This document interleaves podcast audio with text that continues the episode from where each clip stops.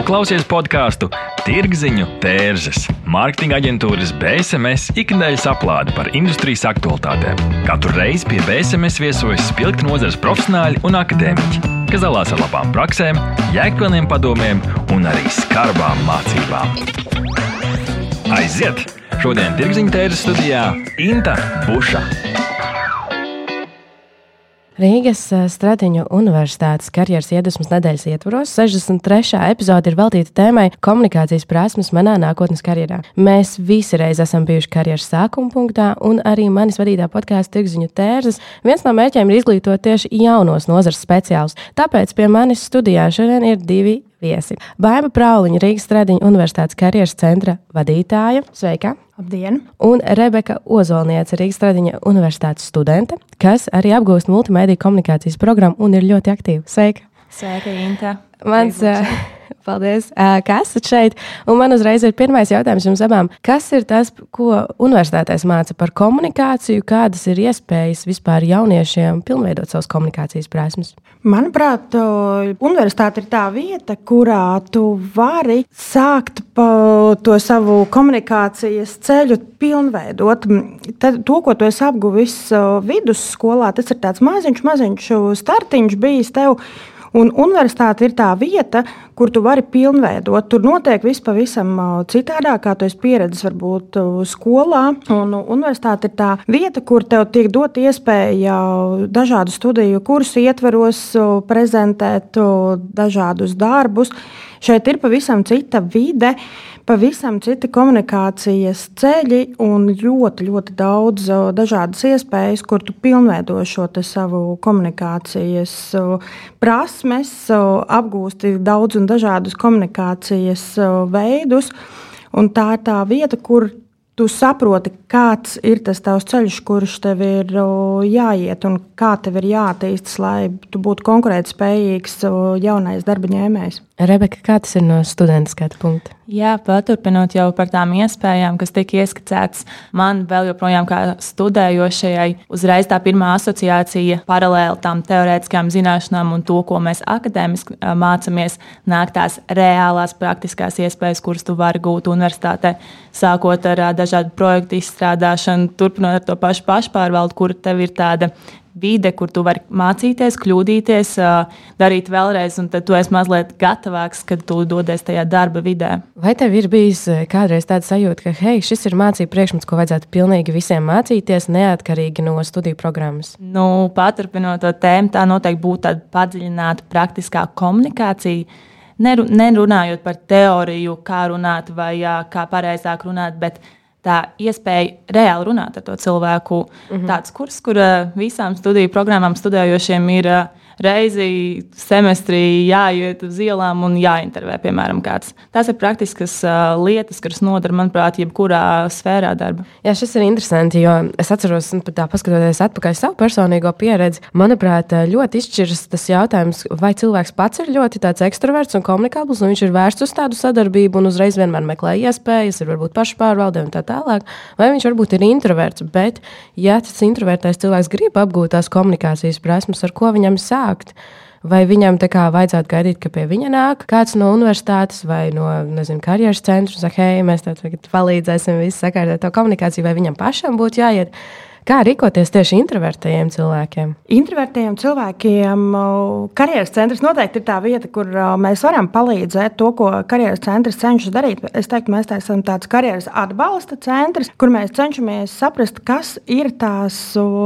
Uh, lietas, tās jomas, kur pilnveidot mūsu Rīgas Reņģa universitātes studējošos. Un mēs ļoti, ļoti daudz regulāri rīkojam dažādus seminārus, nodarbības, vieslekcijas pirms eksāmeniem, kad ir vai tajā pašā laikā, kad ir jāgatavojas studiju darbu aizstāvēšanai, regulāri rīkojam dažādus praktiskās nodarbības par, tieši par komunikācijas prasmju uzlabošanu, kā spēt argumentēt savu viedokli, kā pastāvēt.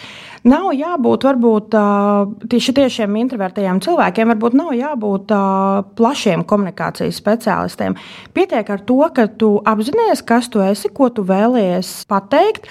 Un tev ir jābūt varbūt, īsam, konkrētam, argumentētam. Tās ir prasmes, ko tu noteikti vari uzlabot, piedaloties ja ne studiju kursos, kad tev varbūt ir nērti un tu paliec maliņā, tad kādos šajos alternatīvajās nodarbībās, vieslekcijās piedalīties un pamēģināt, kā tas ir. Jo mēs esam tāda droša vide, karjeras centrs universitātē, kur droši ir atļauts kļūdīties. Un neviens par nevienu nesmēs, kā, kā šitam nesanāca, vai, vai, vai kā tam līdzīgi. Mēs mācāmies, mēs dodam padomus, kā tu varbūt savu domu vari pateikt īsāk, kodolīgāk, kā, kā kurā brīdī ar kuru savu apkārtējo cilvēku tev vajadzētu sarunāties. Un nevienmēr tev ir jābūt ļoti, ļoti komunikablam un jā, jāspēj izstāstīt gari, gari stāsti, gari paplašināt. Galvenais, lai tu esi īsts, konkrēts, pieklājīgs un lai tu galvenais savam sarunas partnerim vai, vai grupas biedriem esi nodevis to galveno informāciju, ko tu esi domājis. Un tas ir tas, kā mēs palīdzam tieši šiem introvertajiem jauniešiem spēt viņiem formulēt eh, savu domu īsi un konkrēti un uzlabot tās savas prasmes. Tie klausītāji, kas mūs tagad klausās un varbūt nav no Rīgas Tradiņu universitātes, eh, viņi varbūt nezina tik daudz par eh, karjeras centru. Varbūt tu vari vēl nedaudz īsi ieskicēt, kādas ir tās galvenās funkcijas un kā tas iekļaujas kopējā ekosistēmā Rīgas Tradiņu universitātē. Kā arī īsnībā man jautājums, Rebeka minēja par tām praktiskajām pieredzēm. Vai sanāk, ka karjeras centrs ir tieši tāda tā kā praktiskā vide, ne tik daudz vai pat vispār bez teorijas? Mēs noteikti esam tādā praktiskā vide. Kā jau minēju, man gribētos savu karjeras centru saukt nevis tikai par karjeras centru, bet par karjeras atbalsta centru. Un mēs tiešām esam tāda praktiskā vide. Mēs uh, skatāmies uh, līdzi uh, akadēmiskā gada attīstībai, kurā brīdī kādas seminārus vai nodarbības jauniešiem piedāvāt. Tas, ko mēs vēl piedāvājam, mēs ar jauniešiem esam gatavi izspēlēt darba intervijas demo versiju.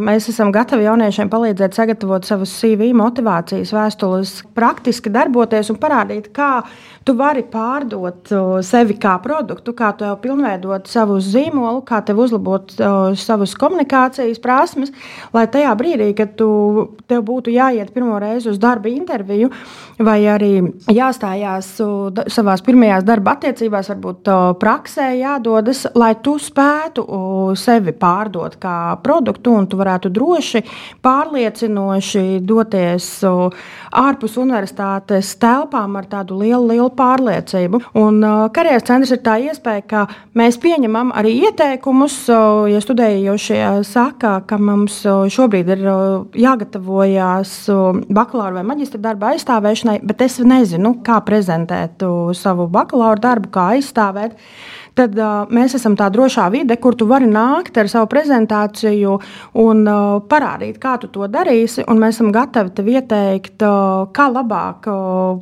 komunicēt, kā labāk atbildēt uz jautājumiem, vai kā varbūt atbildēt, tad, ja tu nezini, ko atbildēt. Un tā, tā mēs cenšamies parūpēties par saviem studējošajiem. Sanāk tā kā tāds mentorings. Ja? Jā, jā, noteikti. Jā. Lieliski. Noteikti studentiem brīnišķīgi iespēja, ko izmantot. Uzreiz ejot tālāk, mēs jau nedaudz aizskārām prasmu jautājumu. Kas ir tās prasmes, ko jūs redzat? Kādas prasmes ir vajadzīgas studentiem pašreiz, lai viņi veidot savu nākotnes karjeru? Es teiktu, noteikti, šīs komunikācijas prasmes ne tikai. Jau, spēja o, verbāli komunicēt, bet arī tīri tā neverbālā komunikācija. Es teiktu, ka šobrīd mēs esam atgriezušies atpakaļ o, pirms pandēmijas periodā. Mums atkal ir jādodas klātienē, mums atkal ir jāpārorientējas un jāvar doties pie darba devēja klātienē, vai neviens netiek aicināts uz tiešsaistes intervijām. Un mums atkal ir jāmāk nostāties vai apsēsties pie darba devēja un komunicēt ar darba devēju, skatoties uz reālu personu. Un šobrīd atkal ir ļoti svarīga tieši tā neverbālā komunikācija. Kāds tu esi, kāds ir tavs vizuālais tēls, kādi ir tavi žesti. Protams, ir ļoti, ļoti svarīgi tas, kā tu komunicē, kā tu spēj pastāvēt par savu viedokli. Noteikti ir svarīgs arī šis tavs personīgais zīmols, jo tas noteikti nevienam nav noslēpums, ka, ko, ko šobrīd mēs darām. Ja mēs nezinām kaut ko par kādu jauno partneri vai jauno darba kolēģi, pirmais, ko es daru, es paskatos, kāds izskatās mans klients vai jaunais kolēģis sociālajos tīklos. Tātad šīs ir galvenās lietiņas. Ja, ja cilvēks par tevi nezina neko, tad uh, pirmais noteikti parūpējies par to savu publisko tēlu. Otrais noteikti tev ir jātīsta gan verbālās, gan ne neverbālās komunikācijas prasmes. Un, protams, ļoti, ļoti uh, augsti tiek novērtētas labas uh, digitālās prasmes. Un tas ir tāds pats pats galvenais šajā brīdī. Jā, es arī varētu piekrist būtībā visam, ko arī teici. Man uzreiz nāk prātā tādas divas lietas, kas iezīmējās. Viena no tām ir, kā jau atkārtošos, mazliet sevis pasniegšana, varbūt dīvaini izklausās sevis pārdošana kaut kādā mērā. Un otrais - uzrīkstēšanās. Tā ir tāda um, dalīta lieta, es gribu teikt, mūsdienu jauniešiem ir daļa, kuri ļoti pašpārliecināti spēj sevi iznest, un ir atkal otra, kurai ir tās kaut kādas stigmas par to vecumu, par to, ka viņš varbūt nav pietiekami kompetents vai viņam nav kaut kāds attiecīgais grāts. Jā, protams, tas spēlē lielu lomu, bet kaut kādā brīdī, spērot tos pirmos soļus darba tirgū, tas ir jānoliek pie malas un jāmāk iepakot to, kas jau ir, to esošā informācija, esošās zināšanas maksimāli augstā līmenī, lai tu, kā jau teicu, pārdotu sevi. Es uh, nedaudz uh, paskatījos internetā, ko raksta Forbes. Uh, Harvarda un uh, citi uh, lielie gan mēdīji, gan uh, uzņēmēju, uzņēmumu uh, vadītāji un uh, jā, tad, uh, līderi pasaulē. Un tādas, kas ar komunikāciju saistītas prasmes, ir bilingualitāte un arī kā cilvēks spēj sadarboties B2B sektorā. Respektīvi, mēs runājam ne tikai cilvēks uz cilvēku, tā ir arī tā pasniegšana, piemēram, sociālajos tīklos, bet arī B2B sektorā un uh, radīt tādas situācijas, kur abas puses ir ieguvējas, respektīvi, win-win. Un kas ir vēl interesanti, kas uh, tika arī pieminēts, ka jā, ir šī spēja atrast uh, kompromisus situācijās, kur varbūt ir grūti nu, vienoties par kaut ko. Jo arī mums ir uh, jaunas paudzes, kurām ir, kurām ir ļoti spēcīgas savas nostājas, savu viedokļu, un viņi grib pastāvēt par to, bet kaut kā ir jāsadzīvo dažādām paudzēm vienu uzņēmumu ietvaros. Vai jūs šim piekristu, vai kā jūs redzat to no savas puses? Es noteikti piekritīšu tam, ka tas ir milzīgs izaicinājums pašreiz strādāt, kā jau jau minēju, vienā uzņēmumā, vienā darba vietā, kur ir pārstāvēts ļoti plašs tas um, vecumu, uh, vecuma amplitūda. Ir jāmāk strādāt, ir jāmāk pielāgoties abām pusēm. Nav tā, ka tikai uh, jaunais darba ņēmējs vai uh, gados vecāks darba devējs ir spiests pielāgoties kaut kādām normām, pašreiz pieņemtām. Tas ir apusējs ceļš. Tam jaunietim ir uh, jāsaprot, kur viņš var pielāgoties, ka viņš var pieņemt arī kaut kādas lietas, kas tajā konkrētajā brīdī varbūt liekas nu, pilnīgi galīgi greizi. Tas ir periods, kopdarbs.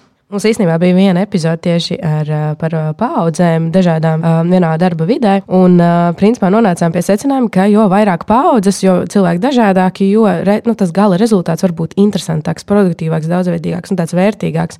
Ja sevišķi, pieņemsim, mārketingā, kur ir jāsasniedz dažādas auditorijas un arī jauniešiem jāspēj skatīties ne tikai, ko es gribu, ko grib mani līdzvērtīgie cilvēki, tur paziņas draugi, bet ko grib, piemēram, vecāks paudzes, mana vecmāma vai ne? Tā kā pilnīgi cits paudzes.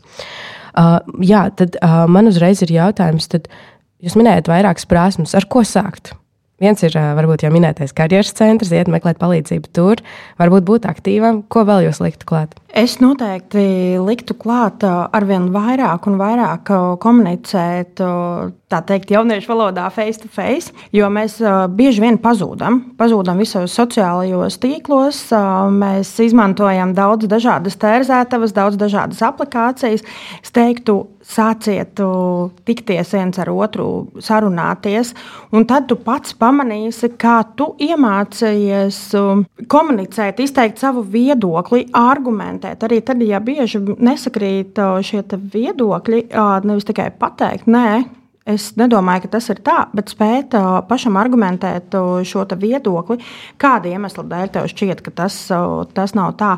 Un tas ir tās iespēja vairāk būt klātienē, vienam ar otru, piedalīties, būt aktīvam, mēģināt iesaistīties jebkāda veida ārpus studiju darbos būt kā brīvprātīgajiem daudz un dažādās vietās, kur tu satiecies ar iespējams dažādākajiem cilvēkiem.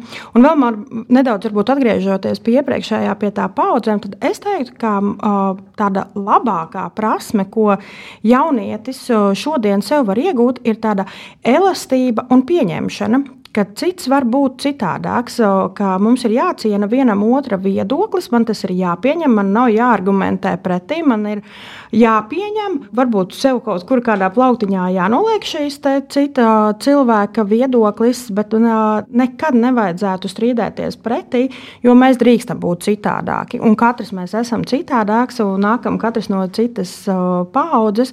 Un arī tieši šajā komunikācijā spēt komunicēt ar to vecākā gada gājuma kolēģi, darba devēju vai pasniedzēju universitātē un spēt pieņemt to, ka drīkst kāds būt citādāks.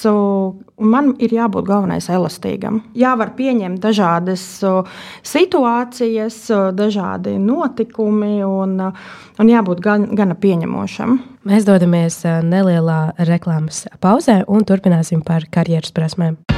BSMS tas ir zīmola pārdošanas un mārketinga atbalsts, stratēģijas, satura un menedžmenta pieredze kopš 1999. gada. BSMS nodrošina radošas, tradicionālas un digitālās pārdošanas veicināšanas kampaņas un konsultācijas. Apmeklē mūsu mājaslapu www.bsms.lv un uzzini vairāk! Jā, Rebeka, tu iepriekš minēji par uzdrīkstēšanos, ka tā ir arī tāda viena svarīga īpašība, lai sevi attīstītu, arī savas komunikācijas prasmes attīstītu. Vai tev ir bijusi tāda pieredze, un varbūt var padalīties savā karjerā, kur tev liekas, es tagad uzdrīkstos, varbūt tas nedaudz pieliek, vai, vai kā, kā, te, kā tev ir izpaudusies šī uzdrīkstēšanās? Ar smaidas lūpām. Jā, var teikt, man ir šāda pieredze uh, vairāk kārt. Nu, varu pastāstīt tā nesenāko un būtībā svarīgāko. Uh, Nu, nav vēl gads riņķī kopš manas pirmās nopietnās darba pieredzes, darba attiecību uzsākšanas. Un savā vecumā, gribu teikt, diezgan jauns vecums, lai stātos šādā darbā, šādā pozīcijā. Tas bija tāds um, uzdrīkstēšanās brīdis sākumā, kad es par to domāju, uh, uz, uh, uzklausīju šo piedāvājumu. Man bija tāds, ok, šis ir rīktīgi, rīktīgi foršs, tas ir tas, ko es vienmēr esmu gribējis, bet lielais bet, vai es esmu to spējīga, vai man ir tik daudz zināšanas. Es uzreiz skatos visu to sarakstu.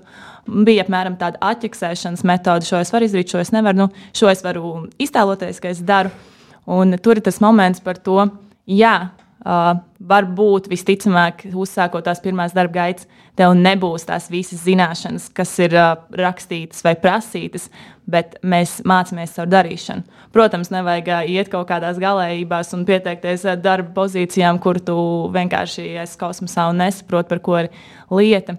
Bet tā uzrīkstēšanās caur to, ka nenovērtēt sevi par zemu, un saprast to, ka mēs visi ejam cauri kaut kādam posmam, un arī tas tavs darba devējs, tavs priekšnieks ir bijis tādā pašā pozīcijā kā tu. Un, lai tu sasniegtu kaut ko, par ko tu sapņo, tev ir mazliet jākļūdās, mazliet jābaidās un jānonāk dažādās situācijās. Bet sanāk, tad bija tāds nedaudz šaubu brīdis pašai priekšsēdētājai. Protams, jā, es atzīstu, mazliet, mazliet bija šaubas. Tas uztraukums par to, kādu pievilt. Tajā brīdī es pat nedomāju tik ļoti par sevi, kad es pati varētu slikti justies par to, ka es neesmu kaut ko izdarījis līdz galam. Bet, protams, tā vēlēšanās būt maksimāli labam, pierādīt sevi, justies nopelnījušam šo vietu, lai nav tā lai tu nejustos tā, ka kāds saka, tas nav tavs nopelns, vai tu dabūji to darbu kaut kādu citu iemeslu dēļ. Tas ir, manuprāt, tas, ar, ar ko es saskāros, ar ko arī daudzi jaunieši saskarās, ka viņi grib būt nopelnījuši to vietu. Viņi negrib justies kā, ka viņi būtu dabūjuši kādu trofeju, kā izlozē konkursā. Un beigās tu visam pārkāpi pāri. Un kas bija tas triggers vai tas galvenais motivators, kas tev lika pieņemt lēmumu, teikt, jā, Uh, jā, ka es esmu pareizajā jā. vietā, vai ka es to varu izdarīt. Mm, rezultāts, protams, tas novērtējums. Protams, kad tu saņem, ka es saņēmu novērtējumu no saviem kolēģiem, no cilvēkiem, ar kuriem es strādāju, man bija tāds, hei, ok, es tomēr daru labu darbu. Un tas ir arī svarīgi, tā paskatoties, ja kāds darba devējs klausās. Man, mums, jauniešiem, ir ļoti, ļoti svarīgi būt novērtētiem. Ne jau pārspīlēt, katru dienu slavināt un uh, glaimot, bet vienkārši periodiski pateikt, ka šis ir labi, šis ir forši, ko tu izdari, ka šis ir iegūms. Un uh, justies tā, ka tas tavs jauniešu viedoklis, tas, tas citādais skatījums arī ir vērtīgs. Kad tas ir pienesums uzņēmumam, kompānijai, vienalga vietai, vietai, kur tu strādā, atrodies. Kopā ar Norstad mēs regulāri veicam Latvijas līmeņa aptaujas, un arī principā, tas tā atgriezeniskā saite, ko tu saki, ir viens no galvenajiem principā, aspektiem jebkuram darbiniekam, lai viņš saņemtu no sava darba vadītāja kvalitatīvu atgriezenisko saiti, un regulāru, kvalitatīvu un regulāru, un varētu pilnveidot sevi un arī saprast, kur viņam uzlabot, lai viņš saprastu, vai ir ok, vai nav, ko man vajadzētu darīt citādāk. Tā kā jā, es viennozīmīgi arī parakstos par, par atgriezeniskās saites svarīgumu. Baiba, jautājums tev. Kā tev šķiet, teiksim, ja jaunieši tagad domā, ok, viņi domā par savām komunikācijas prasībām, kādas viņas ir. Varbūt viņiem nav tik labas, viņi ir varbūt skeptiski, varbūt viņi šaubās tieši tā kā Rebeka tikko stāstīja. Kā viņiem skatīties uz vakancēm un vispār uz savu nākotnes karjeru, kā viņiem novērtēt sevi objektīvi un kā pieņemt tos lēmumus? Es teiktu, ka ir jābūt gan ambiciozam. Uh, ļoti daudz šajās vakancēs, ko darba devējs izvieto dažādos komunikācijas kanālos, es teiktu, ka ir pārdabiskas prasības citreiz ievietotas. Un noteikti nevajag baidīties. Tas, ko es parasti jauniešiem saku, kas ir sliktākais, kas ar tevi var notikt tad, ja tu pieteiksies, aizsūtīsi savu pieteikumu, un tad, ja tas sliktākais, kas ar tevi var notikt, kad tu atbild uz šo jautājumu, nemaz nav tik slikti, tad tas nozīmē, ka tas, tā ir tava iespēja pamēģināt. Un, um, darba devējs, protams, kā mēs visi zinām, prasa lielu pieredzi, 25 gadu pieredzi konkrētā amatā, ar, ar lieliskām zināšanām. Amatam, kas radies pirms pieciem gadiem. Jā, jā, jā amatam, kas radies pirms pieciem gadiem, kas nemaz pirms 25 gadiem nav eksistējis. Protams, ka tur ir, ir jābūt tādam spriestspējīgam par to, kas tas ir, ko no manis prasa. Un, es teiktu tieši tāpat kā Rebeka uzdrīkstējās, pamēģināja. Un, ja no nu ar tevi nekas slikts nevar notikt no tā, ka esi pieteicies konkrētai vakancei, un varbūt neesi atbildis dažiem šīs vakances punktiem. Nebaidīties no tā, mēģināt, iet, pieteikties, būt gan ambiciozam, spēt sevi novērtēt. Tas dodoties uz šīm darba intervijām, piesakoties, komunicējot ar darba devējiem, tas dod tev pieredzi. Tas dod tev iespēju augt, attīstīties. Un, uh, labākais, ko mēs varam uzkrāt savā dzīvē, ir pieredze un kontakti. Un tas mums uh, liek augt kā personībām. Mēs uh, ļoti daudz runājam par studentiem, kuriem trūkst šīs pašpārliecinātības, kuriem trūkst vispār pārliecības, vai viņi ir derīgi, vai es esmu kvalificēts, vai man pieteikties šai, šai vakancei. Bet, uh, Es nu, savā profesionālajā karjerā, kā darba vadītāja, kā uzņēmuma vadītāja, esmu saskārusies arī ar pilnīgi pretējām situācijām, kur nāk jaunieši, kuri vēl studē. Viņiem ir milzīgas prasības, viņiem ir milzīga pašpārliecinātība, viņiem ir vienkārši tur wow, wow, wow ko viņi grib no darba devēja, bet tas, ko viņi nu, dotu pretim, tas nu, nav balansā. Tur skaidrs. Kā jūs redzat uh, un vērtējat šādas situācijas, un kur atbildība tā ir? Vai tas ir individuāla līmeņa egoisms un tāda, tāds pašpārliecinātība vienkārši pārāk liela, vai tas ir kaut kas iemācīts universitātē vai, vai kaut kur citur? Kā jūs redzat šo? Es teiktu, ka tā ir mūsdienu jaunieša norma. Strādāt mazas darba stundas, saņemt lielu atalgojumu un maz strādāt. Uh, Uh, nu, tā, tas ir mūsu jauniešu ikdiena. Tā, tā nav universitātes iemācīta, tā nav ģimenes iemācīta lieta. Tā ir visa, visa tā kopums, kurā mēs šobrīd o, dzīvojam. O, no vienas puses, visiem jauniešiem māca, esi ambiciozs, spēj par sevi pastāvēt, ej un dari.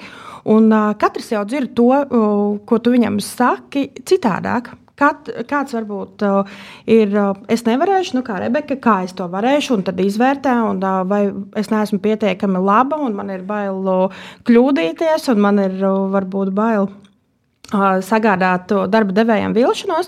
Savukārt, ir daudz tādu jauniešu, sevišķi tie, kas ir ļoti, ļoti komunikabli. Viņam varbūt nav tik augstas prasmes, viņam varbūt nav tik laba pieredze, bet viņš ar savu spēju pārliecinātu nāk pie Intas kā pie vadītājas un saka, es tagad strādāšu, un es taisīšu apvērsumu tavā, tavā uzņēmumā, un es tev varēšu palīdzēt ar savām lieliskajām prasmēm.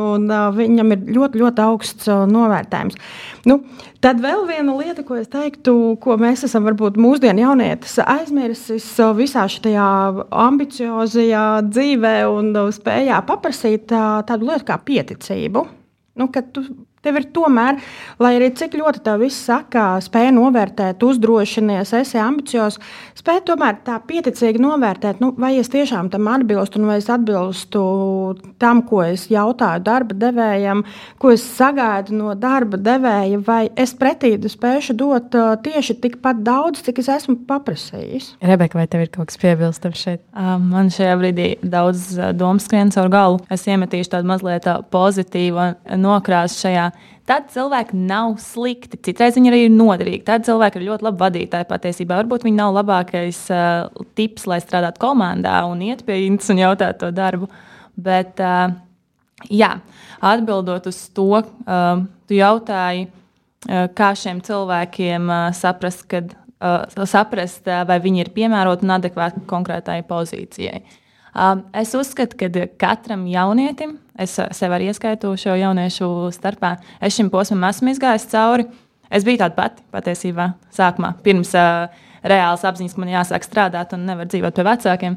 Uh, jāaiziet cauri tam posmam, kad tu saki jā visam, visām iespējām. Un arī plusā tam jā, tai jāteikšanai arī pats meklē iespējas.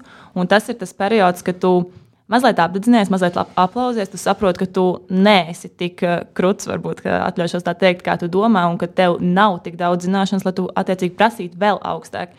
Un uh, ejot cauri šim posmam, tad tu iegūsi to pieredzi, ka tu esi beidzot sasniedzis kaut kādu attiecīgu kompetences līmeni, un tad jau tu vari izvērtēt, teikt, jā vai nē, prasīt vairāk vai mazāk, jo tu esi pārliecināts par to, ko tu dari. Ne tikai balstot to savu pārliecinātību uz to, ka uh, es esmu ambiciozs vai esmu jaunietis, esmu no tādas paudzes, bet balstot uz, re, uz reāliem, reālām lietām, uz to, ka tu esi gājis kaut kam cauri. Nu, tur, tur laikam arī ir tā sāls, jo nav, nav problēma, ka strādā maz, nav problēma, ka ir ambiciozs. Es vienmēr saku, tas ir, tas ir ieguldījums, bet tajā pašā laikā jābūt arī kaut kādai atdevēji, kā arī investīcija. Nu, tā jābūt samērīgumam. Bet uh, es varu padalīties nedaudz no savas pieredzes. Man atkal ir tā, ka Tā kā es Rīgas Tradiņu universitātē docēju arī kursu, pie manis diezgan daudz ir bakalaura un studiju darba rakstītāju.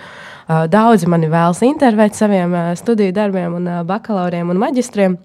Ļoti liels prieks, bet ko tas nozīmē praktiski? Un tas ir atkal jautājums jums par tām komunikācijas prasmēm. Man citreiz ienāk tur, nezinu, desmitiem e-pastu mēnesī kuri ir slikti strukturēti, tur nav sasveicināšanās. Citreiz man studenti atrast, vienkārši man bija nesen tāds gadījums, man atmet vienkārši um, studiju darbu pielikumā bez jebkā, nu, bez e-pasta teksta.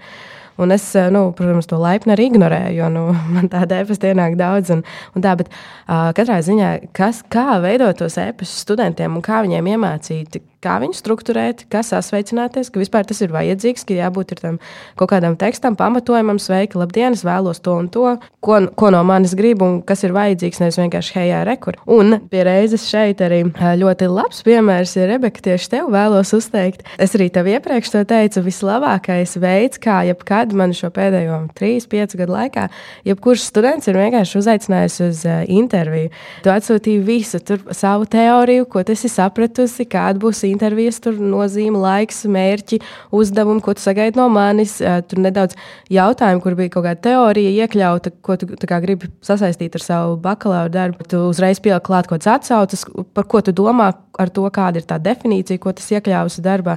Ļoti profesionāls, divām vai trim lapas pusēm, manuprāt, sagatavot intervijas jautājumu. Uh, tas bija vienkārši brīnišķīgi. Un, un, un tas, ko tas man nozīmē kā ekspertam, kas tiek intervētas, ka man ir jāiegulda mazāk laika, kā, lai sagatavotos, un es pilnīgi skaidrāk uh, arī apzinos, kas ir tas, ko students sagaida no manis pretī. Līdz ar to tas rezultāts no manis var būt kvalitatīvāks. Kā jūs vērtējat šo, kā studenti gatavo intervijas jautājumus, kā viņi aicina ekspertus, kā viņi raksta e-pastus pēc tam arī potenciāliem darba devējiem.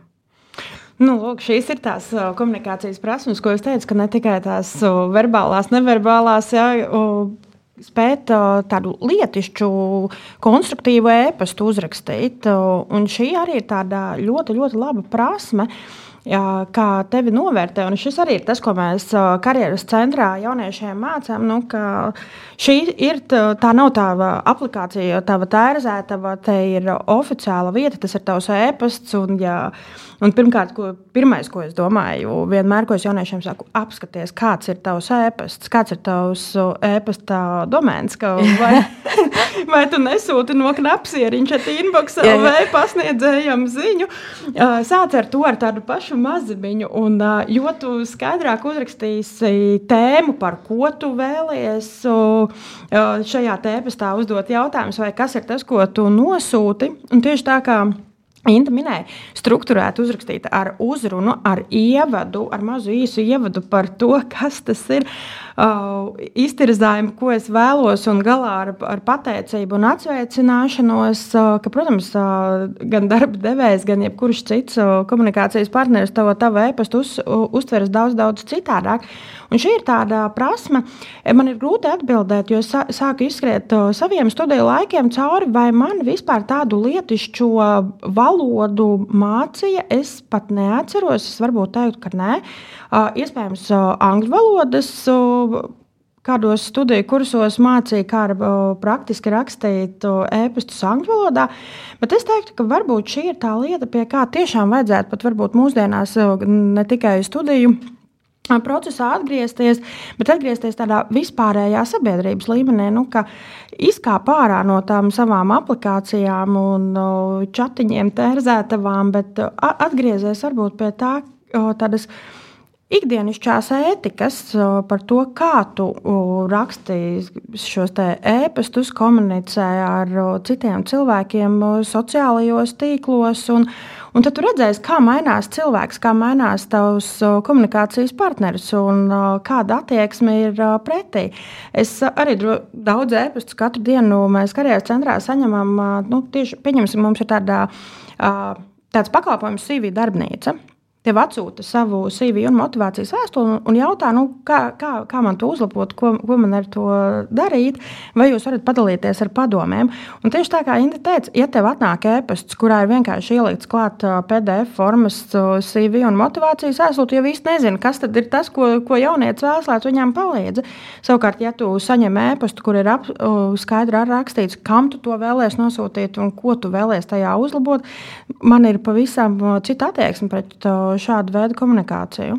Te arī noteikti jāņem vērā tā uh, izteikta kultūru, ja to nosauc par kultūru, pār, pārklāšanos un slāņošanos. Protams, kā piemērs, ja tu stundu skrien un tad tev ir pēkšņi jāsāk soļot, vai otrādi ir grūti pielāgoties, kas ir attiecināms arī uz to mūsdienu digitālā satura patērēšanu, īsformātā, video, teksti un viss pārējais. Un tad, kad tev pēkšņi ir jāraksta kaut kas lietišķāks, formālāks, ir grūti pielāgoties. Bet, uh, uzrunājot jaunos studējošos, jaunos ekspertus, vienmēr ir jāatcerās to, vai tu pats saprast, ko tu no sevis gribi, ja tu saņem to e-pastu.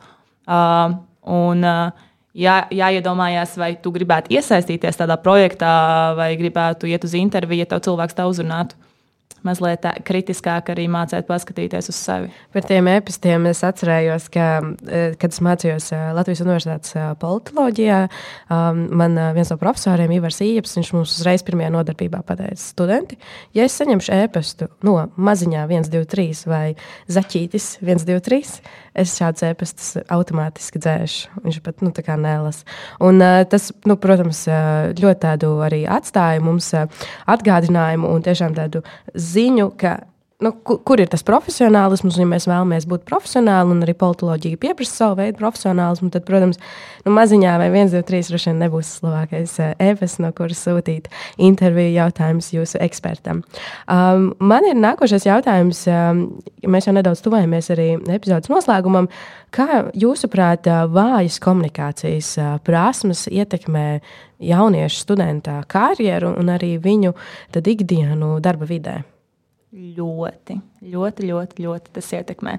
Kā jau mēs runājam, visu, visu šīs epizodes garumā, komunikācija un komunikācijas tās nozīme. Varbūt uh, bieži nav skaidrība, kas ir vispār komunikācija, kur tā sākās un kur tā beidzās. Uh, pirmās asociācijas vienmēr ir, kā jau Baiba teica, verbāla komunikācija. Tas ir būtībā pirmais, ko cilvēks bez pieredzes iedomājās. Bet nē, komunikācija sākās ar to, kā, ka tu ieej telpā, kā tu izskaties, kā tu žestikulē tad kā tu sāc runāt, um, par ko tu runā. Tas, tas viss veido komunikāciju. Un, uh, ja tev tas nebūs, tev būs mazāks iespējas būt konkrēti spējīgam darba tirgu. Tad tas, uh, tas mans punkts, ko es cenšos pateikt, ir pirms. Uh, slikti novērtēt vai labi novērtēt sevi un savas komunikācijas prasmes, vispār saprast, kas ir komunikācija, kā to izmantot un ko ar to darīt. Tieši tā. Jo, tieši runājot par to neverbālo komunikāciju, tāda maza, maza niansīta. Kā tu uzvedies, kad tu uztraucies? Kur tu dari, kur tu liec savas rokas, kur tu knibini, pavēro sevi un pieķer tevi, sevi pie tā mazā netikuma, ko tu dari, kad tu esi uztraucies. Un tas ir tāds, ļoti, ļoti svarīga lieta, jo mēs darām daudz dažādas lietas. Mums pašiem liekas, tas nepamana, cits knibina nagus, cits spaida, spaida rokas. Es teiktu, ka šis ir viens no pamatiem pieķert sevi tajā, kas ir tas tavs uztraukuma netikums, kur, ko tu dari. Tad tālāk jau noteikti domā par saviem žestiem un par to savu stāju un savu vizuālo tēlu.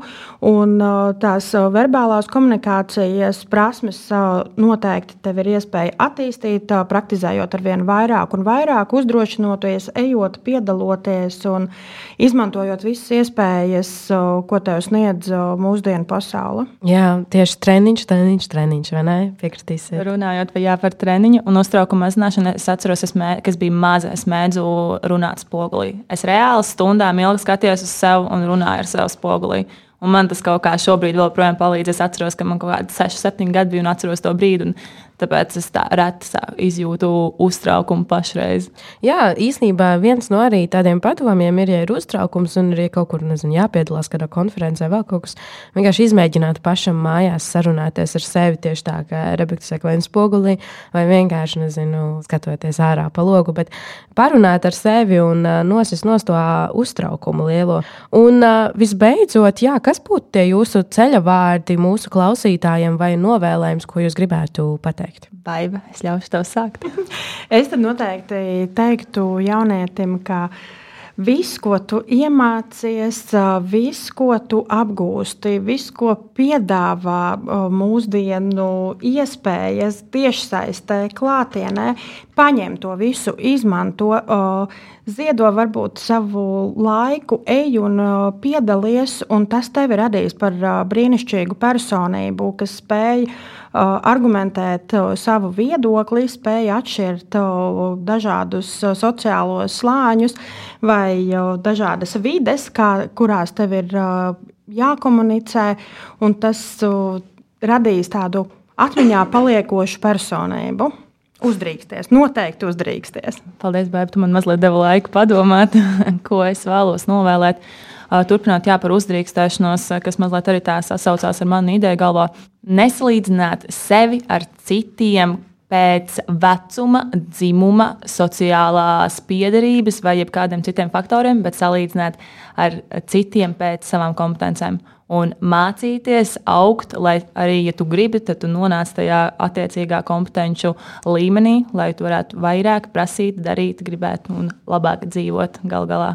Lieliski novēlējumi, un es laikam teikšu noslēgumā, studenti, ja tev e-pasts ir maziņā, noteikti ir nomaini uzvārds. uzvārds. Lielas paldies šodienas viesiem. Pie manas studijā bija Baiva Prauliņa, Rīgas Stradiņa Universitātes karjeras centra vadītāja, un Rebeka Ozolniece, Rīgas Stradiņa Universitātes studenti, kas apgūst multimediju komunikācijas programmu. Lielas jums paldies!